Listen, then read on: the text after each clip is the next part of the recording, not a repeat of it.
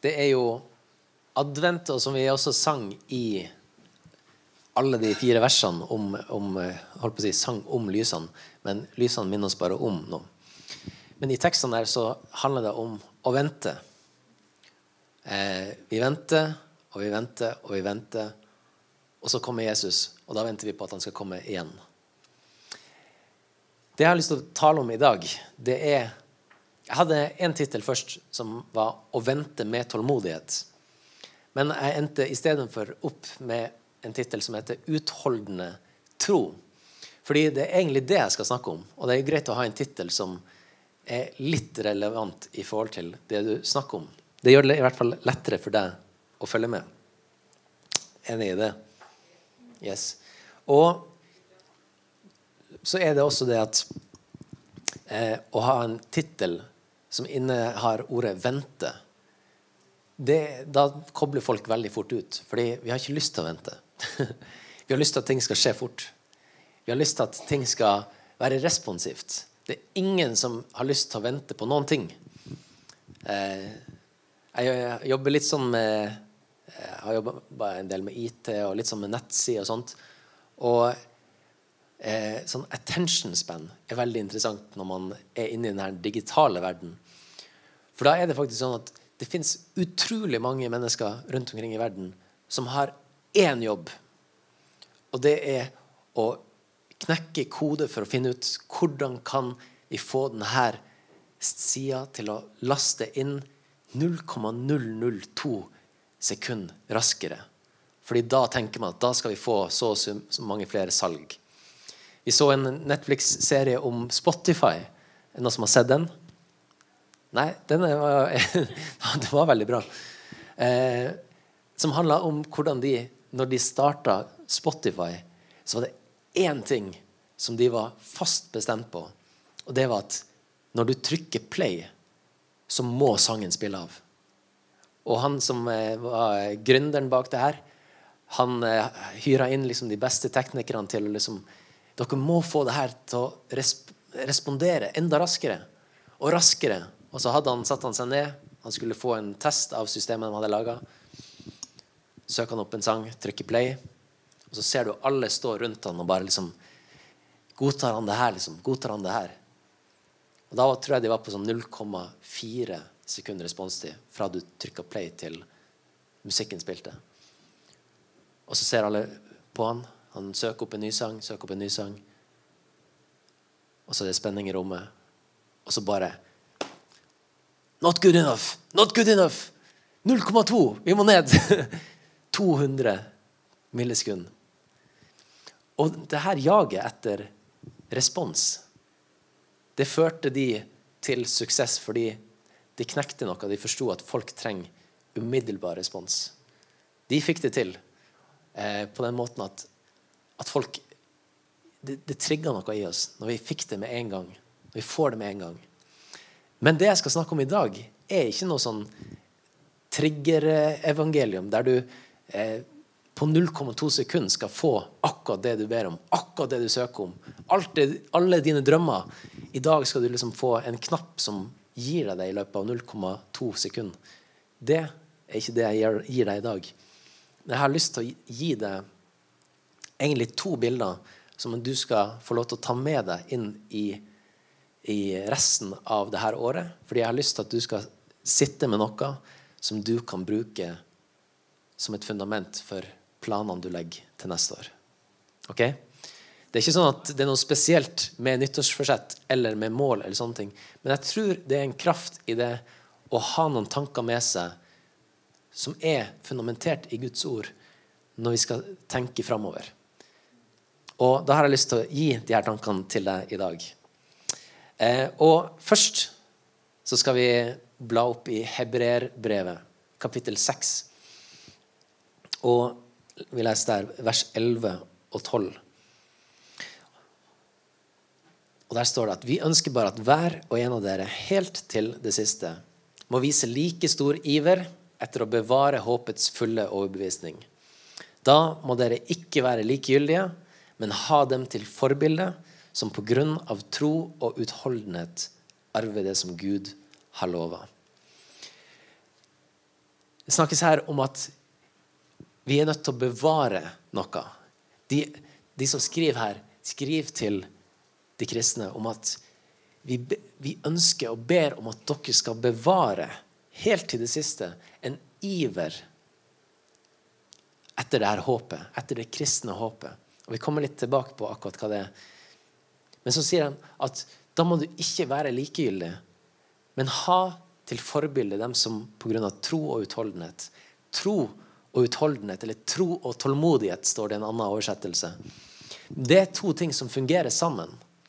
Vi kan ha tro til noe, men så må vi også ha den troa med oss i tålmodigheten vår. Vi må ta den med oss og være utholden i det som er vår tro. Og vi skal bruke mesteparten av tida i dag i Jakobs brev, fordi Jakob skriver en del om det her. Og vi skal hoppe dit allerede i første kapittelet i Jakob, og så vers 2 til 4.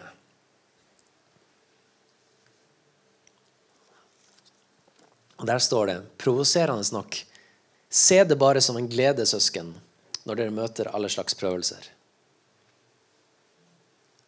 Se det bare som en glede, søsken, når dere møter alle slags prøvelser. Amen. Takk for i dag.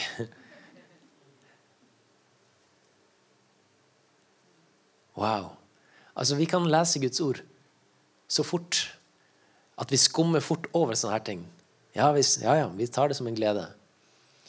Men det er noe dypere her som vi skal se på i dag. Hvordan kan vi se på som en glede de tingene vi møter som prøvelser? Og Så sier han videre For dere vet at når troen blir prøvet, så skaper det utholdenhet. Men utholdenheten må føre til fullkommen gjerning, så dere kan være fullkomne og hele uten noen mangel. Jeg har lyst til å dele to måter vi kan være utholden på. To forskjellige måter som vi trenger å egentlig eh, ta med oss. Fordi i de forskjellige delene av livet vårt og i forskjellige sesonger så kan vi oppleve at vi er nødt til å være utholden på forskjellige måter. Man kan holde ut eh, i eh, storm. Det kan være ting som skjer i livet ditt som gjør at at det koker rundt deg, og du kjenner at er bare, dette er jeg bare nødt til å holde ut. Jeg er bare nødt til å skalke alle lukene og la denne stormen blåse forbi. Og så holde ut og satse på at jeg står støtt her når jeg er på andre sida. Det er en måte å holde ut på. Men det er også en annen måte som jeg har lyst til å, å eh, løfte fram i dag. Fordi denne tålmodigheten, den urokkeligheten i å stå fast i en storm. Når man ser på eh, bilder fra forskjellige orkaner og sånne store, eh, kraftige stormer som skjer andre plasser enn i Norge. Her har vi liksom polart lavtrykk, og det kommer en halv meter snø på Senja, og det er breaking news. OK. Det var en lærer som ikke kom seg på jobb, liksom. Det er ikke så ille. Det er kult med litt polart lavtrykk. Men det kan ikke måle seg egentlig med de her store stormene som vi, som vi ser skjer i andre deler av verden. Og Der finnes det også så mange historier om folk som har prøvd å holde ut, prøvd å stå støtt i en sånn storm, men som rett og slett ikke klarer det fordi kreften rundt er for sterk.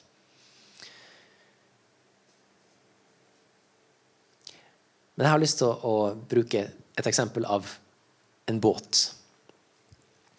Eh, ok, du har et stort skip som kommer i en stor storm. Det er heftige bølger, og det skipet her det er jo på vei et sted. Det er på vei fra A til B. Men så møter det en storm underveis. Kapteinen på dette skipet han går for alternativ 1. Nå skal vi ankre oss opp. Vi skal spikre igjen alle lukene og sørge for at når stormen er ferdig, så flyter fortsatt denne båten. Det er en måte å ha en tålmodighet i prøvelser på. Og da handler det om å få et godt feste i bunnen. Det handler om å ha et anker som, som sitter godt. Og et anker må sitte godt i en god bunn også. Det nytter ikke med det nyeste ankeret, hippeste anker, Anchor 2000 version 3, hvis det ankeret ikke får et feste i, i grunnforholdet. Du kan ha det beste ankeret, men hvis det ikke går dypt nok, eller hvis det ikke setter seg fast i grunnen, så hjelper det ikke med et godt anker. Men du trenger ankeret, du trenger en god kjetting og et godt grep i bunnen. Og da kan dette skipet faktisk klare seg gjennom denne stormen. Det er en, en slags det er en utholdenhet i det her. Og jeg tror mange av oss kan kjenne oss igjen i at av og til så er det sånn livet kjennes. At det er noe som skjer, så vi bare tenker at OK, det her kommer til å gå over. Men herlighet hvor det koker og stormer rundt akkurat nå. Og du går inn i en slags eh, tålmodighetsprøve der du må stenge deg inn.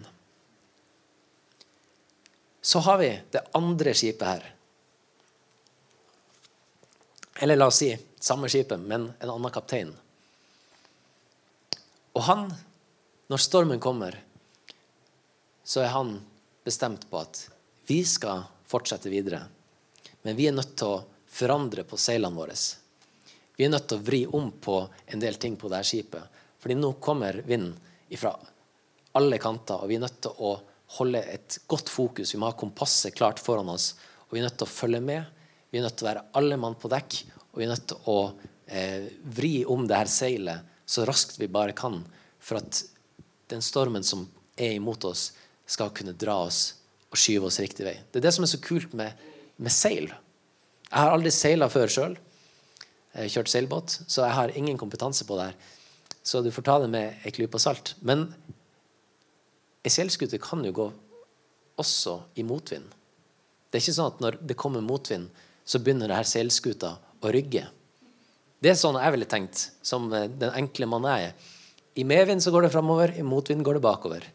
Så får vi satse på at du har medvind hele veien over dit, og motvind hele veien over dit. Eller medvind andre veien, da.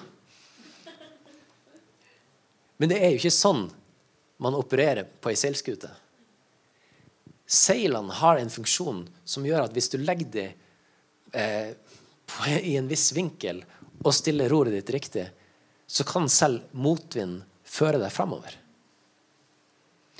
Og med den tankegangen så har du en annen type utholdenhet. Da har du, du er nødt til å jobbe mye hardere. Men denne motvinden og den stormen her kan fortsatt føre deg framover. Det er en annen type utholdenhet. Og som en eh, Jeg fant et engelsk sitat på, på det her, eh, som sier her And that is the kind of thing that the apostle is here recommending to us. Not merely passive endurance, but a brave, active perseverance in spite of antagonisms. Altså ikke bare altså Dette er det som det skrives om her, at en sånn type utholdenhet kan vi ha. Ikke bare en passiv utholdenhet der vi overlever noe, men en modig, aktiv utholdenhet der vi jobber for å la denne vinden ta oss riktig vei. Og jeg tror at det er en tid for begge deler. Det er en tid for å skalke alle luker og holde fast på noe og stå urokkelig på noen ting. Men så tror jeg at vi også har ganske mange andre situasjoner der det er lett for oss å bare skalke alle lukene og bare vente til det er over. Men der vi egentlig har muligheten til å vri om på seilene våre og la det føre oss framover. Jeg tror at ikke alle prøvelser er ment for å bare overleves. Som, eh, som kristen i, i dag så vet vi at det, vi utfordres av verden på veldig mange områder. På troa vår, på eh, livssynsfrihet og, og, på alle de her tingene som, som media skriver om, og som det kan virke som at det koker litt rundt oss. Det kan være fristende som kirke, det kan være fristende som, som pastor, som enkeltperson. Som, det kan være fristende for deg der du er på studie eller på jobb, og bare tenker at dette skal jeg bare Jeg må bare overleve det her. Vi skalker alle luken. Vi drar ned det kristne flagget. Det får bare vaie hvitt oppi den toppen der. Nå skal jeg bare overleve denne stormen. Og så får vi se hvordan det ser ut om skipet fortsatt er flyt på andre sida av den. Jeg tror vi ofte faller i den grøfta der. Og av og til trenger vi det. Men utfordringa mi til deg i dag er at tør å se på, tør å stille deg sjøl spørsmålet, tør å gå til Gud i bønn og høre om Herre, er det her en prøvelse som er ment til å ta meg framover? Jeg tror at vi kan komme langt. Jeg tror at vi kan oppleve store ting. Og hvis vi tør å sette opp seilene våre Men vi er nødt til å jobbe med dem. Vi er nødt til å navigere på en helt annen måte enn når det er bare medvind og sol. Vi er nødt til å være mye mer aktive.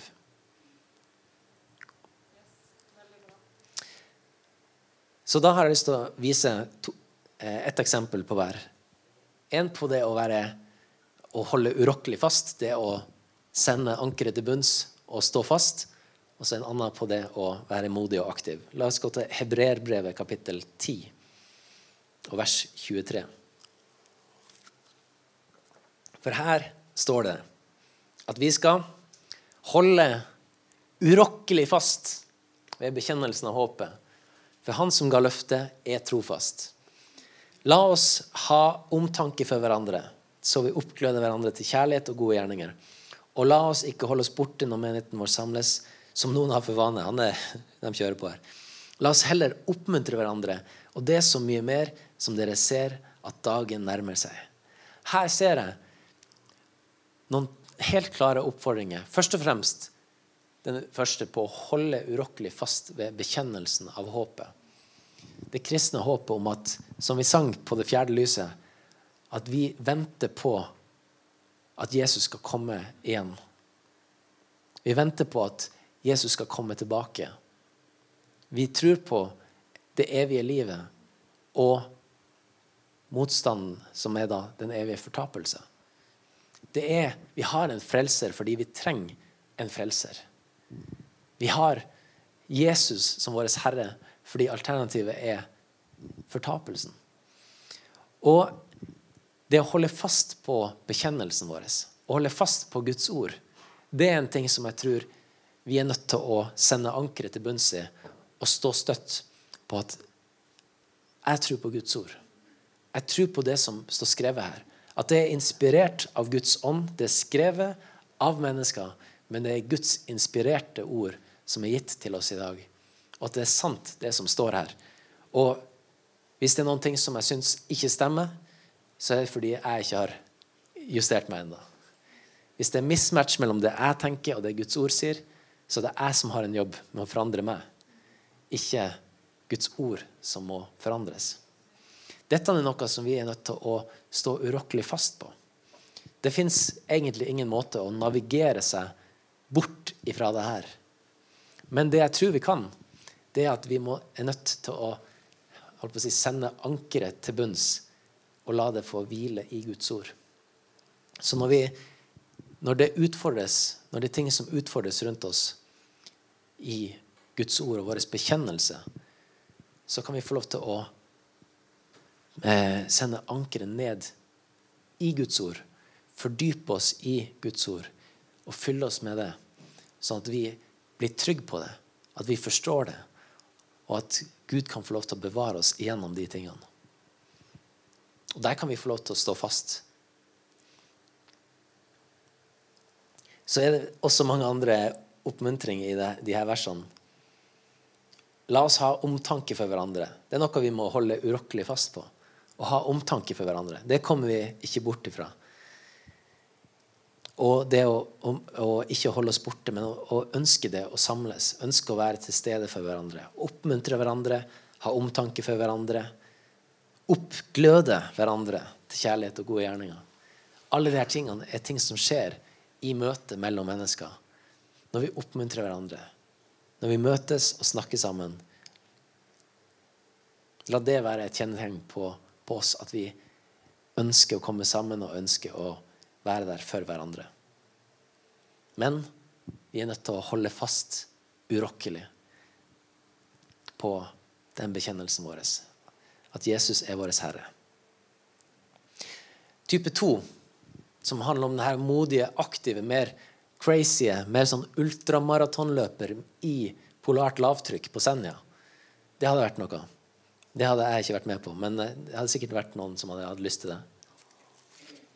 Det er en helt annen type utholdenhet. Jeg har sprunget halvmaraton. To stykker av de, så det er helt til sammen. Men det var på to forskjellige tidspunkt.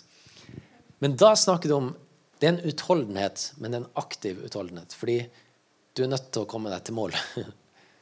Det er i hvert fall en fordel hvis du har lyst på medalje og, og druer og sånne ting. Som de gir ut til de som kommer i mål. Men det er en utholdenhet i løpet. Og Gud har kalt oss til å løpe et løp. Og i, litt senere i Hebreerne 10, i vers 36, så står det at dere trenger utholdenhet, så dere kan gjøre Guds vilje og vinne det som er lova. For ennå er det bare en kort stund, så kommer Han som skal komme, Jesus. Og han skal ikke drøye. Min rettferdige skal leve ved tro, men trekker han seg unna, har min sjel ingen glede i ham. Et sitat fra Gamle testamentet. Men vi er ikke av dem som trekker seg unna og går fortapt. Vi er av dem som tror og berger sin sjel. Vi trenger utholdenhet, og denne typen utholdenhet tror jeg handler om det å være aktiv.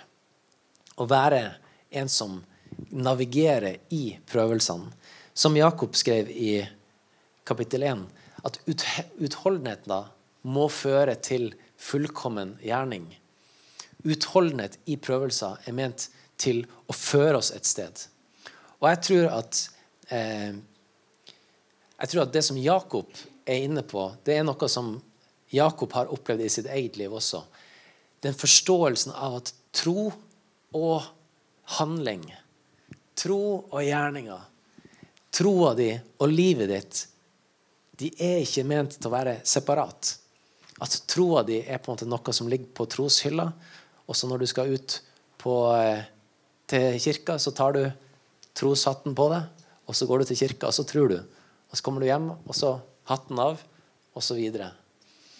Troa og livet ditt er ment til å være ett. Og troa er ment gjennom alle prøvelsene til å føre oss fram til en fullkommenhet. Det er jo det Jakob sier i kapittel 1 der. At utholdenheten som kommer av at troa vår blir prøva, den skal gjøre sånn at vi blir fullkommen og hel, uten mangel.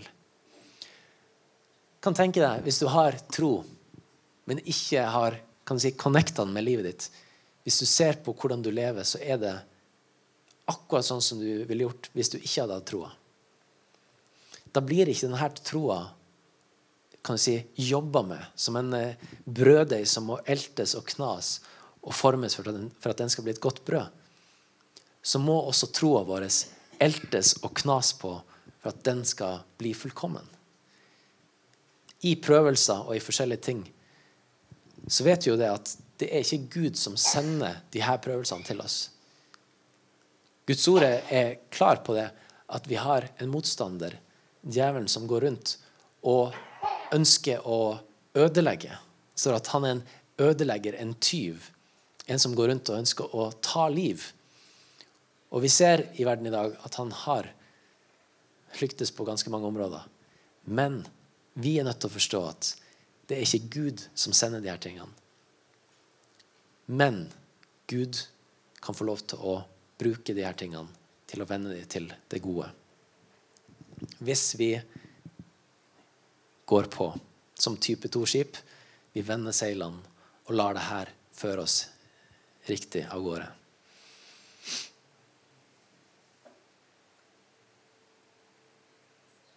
Guds ord sier også at vi skal være listige. At vi skal være smart. Vi skal være gjennomtenkt. Og jeg tror dette er, handler rett og slett om hvordan vi hvordan ser vi hvordan ser vi vårt liv, og hvordan ser vi planene våre? Jeg har lyst til å bruke tida fram til eh, nyttår og januar på å se på mitt eget liv. Hvordan kan jeg bruke de tingene som skjer rundt meg, til å komme framover? At troa mi skal få, få testa seg. Og vi har noen gode greier på gang som jeg tror kommer til å være fantastiske vitnesbyrd om etter hvert. Men, men troa trengs å arbeides på. Troa trengs å komme til syne. Og jeg tror vi kommer til å ha et mye rikere liv, et mer fullkomment liv, når troa vår faktisk blir testa. Når troa vår blir knødd litt på. Jeg tror det kommer til å være en spennende tid. Og jeg tror vi kommer til å høre mange, mange gode vitnesbyrd til neste år. Det er ikke sånn at i år har vært tomt, men, men jeg tror at eh, i hvert fall personlig, og jeg kjenner også for oss som, som kirke, at, at vi trenger å ta et sånn valg om at vi skal jobbe aktivt med seilene våre. Vi, vi kan ikke bare stå støtt fast hele tida, fordi da står vi bare der. Noen stormer er ment for å ta oss et sted. Og det, det har jeg lyst til å være med på. I andre kapittelet i Jakob, i vers 21-22, så skriver han at, om Abraham. Og så stiller han et spørsmål. Han sier var det ikke på grunn av gjerninga at vår far Abraham, Abraham ble Abraham, Det går litt fortere. At vår far Abraham ble kjent rettferdig da han bar fram Isak, sønnen sin, som offer på alteret. Slik kan du se at troen virket sammen med gjerningene hans, og gjennom gjerningene ble troen fullendt. Det var jo Abrahams tro som fikk han til å gjøre gjerninger. Og gjerningene var det som gjorde troa hans fullkommen.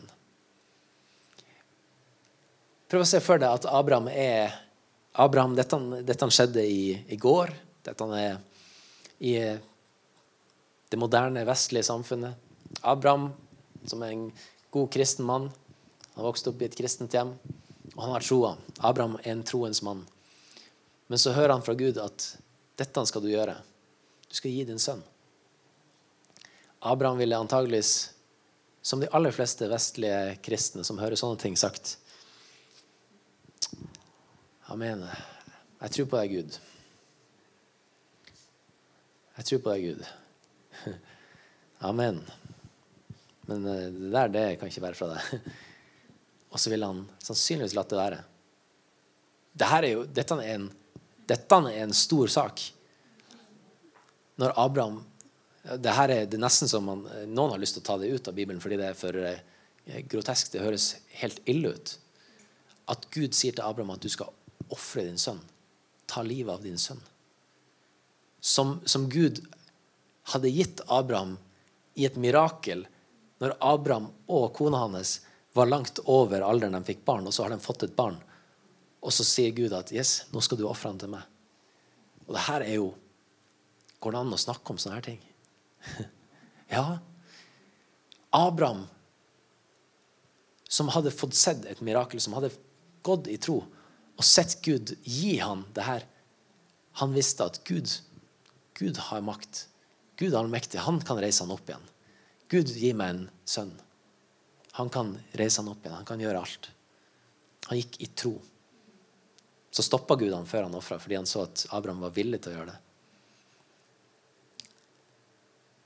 Men jeg tror at denne villigheten til å gjøre det som Gud sier, wow, den koster. Det er lett å lese om Abraham. Det skummer vi fort gjennom i, i, i Guds ord. Og så tenker vi at ja, vi er et barn av Abraham.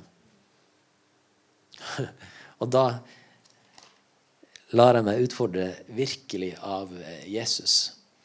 Fordi eh, det var noen jøder som som var kommet til tro på Jesus. I Johannes evangelium kapittel 8 og fra 31 og litt utover.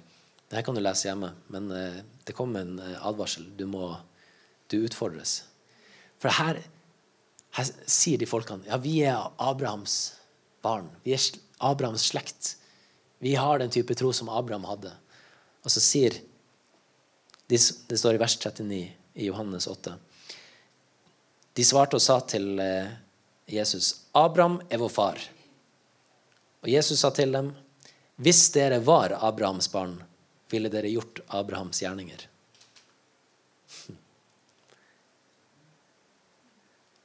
Så fortsetter han å si, 'Men nå forsøker dere å drepe meg.'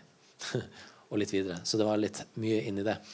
Men Jesus sier der du kan ikke bare si at du er et Abrahams barn.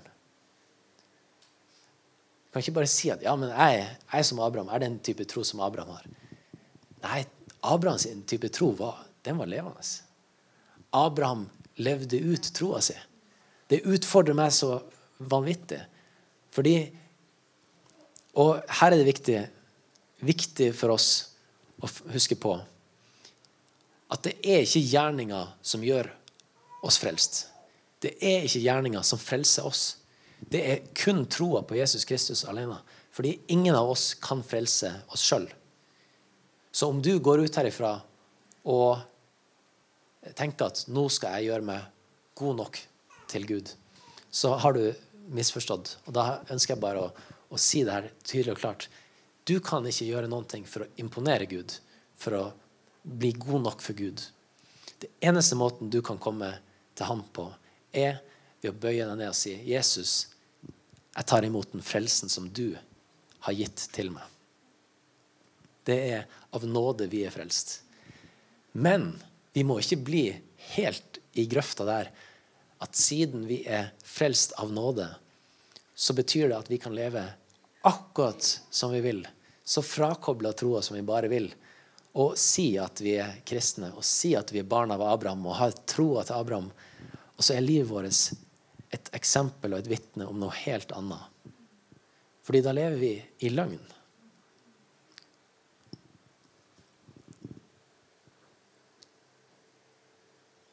Og dette er noe som Gud med Den hellige ånd i oss vil hjelpe oss til.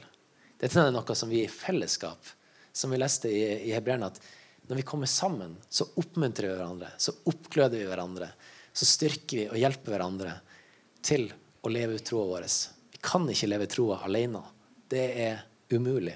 Vi trenger et fellesskap der vi utfordres, men også oppmuntres og styrkes. Men altså en aktiv, utholdende tro. Det er mitt håp og min, eh, min drøm for, for, det som ligger foran. At vi skal bli kjent for å ha en tro som vi tør å handle på. En tro som vi tør å, å vri om seilene for. Fordi vi ser at det er en kamp rundt oss. Og det kan skje ting personlig og på et større nivå. Men alle de tingene ønsker Gud å føre fram til noe godt. Og Det kan bety at vi er nødt til å søke Guds ord enda dypere. Vi er nødt til å, å fylle oss med Guds ord, sånn at Den hellige ånd kan få lov til å minne oss om det som Gud har sagt. Og så kan vi få lov til å være frimodige. Vi kan få lov til å være modige når vi møter motgang. Og så kan vi la oss eh, eh, provosere og engasjere av Jakob når han sier at vi skal se det som en glede når vi møter alle slags prøvelser. Jakob skrev ikke det brevet her til noen som var i en konkret prøvelse. Jakob skrev dette brevet til, det står til, til alle tolv slekten som er spredt omkring. Og dere møter alle slags prøvelser. Og det gjør vi fortsatt i dag. Vi møter forskjellige slags prøvelser. Men når troa blir prøva, så skaper det utholdenhet. Og utholdenheten, den skal føre til fullkommen gjerning.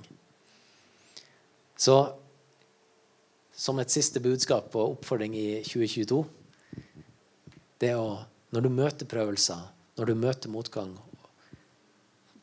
sett deg ned, fyll deg med Guds ord og se hvordan skal jeg vende seilet mitt i dag. Hvordan kan jeg endre på det som er rundt meg, for at dette skal få lov til å føre meg dit som Gud har kalt meg. At vi skal kjenne Guds vilje, at vi skal gjøre Guds vilje og vinne det som ligger foran oss. Jeg tror at vi Ja, dere kan bare komme opp og, og starte og lede oss i lovsang. Men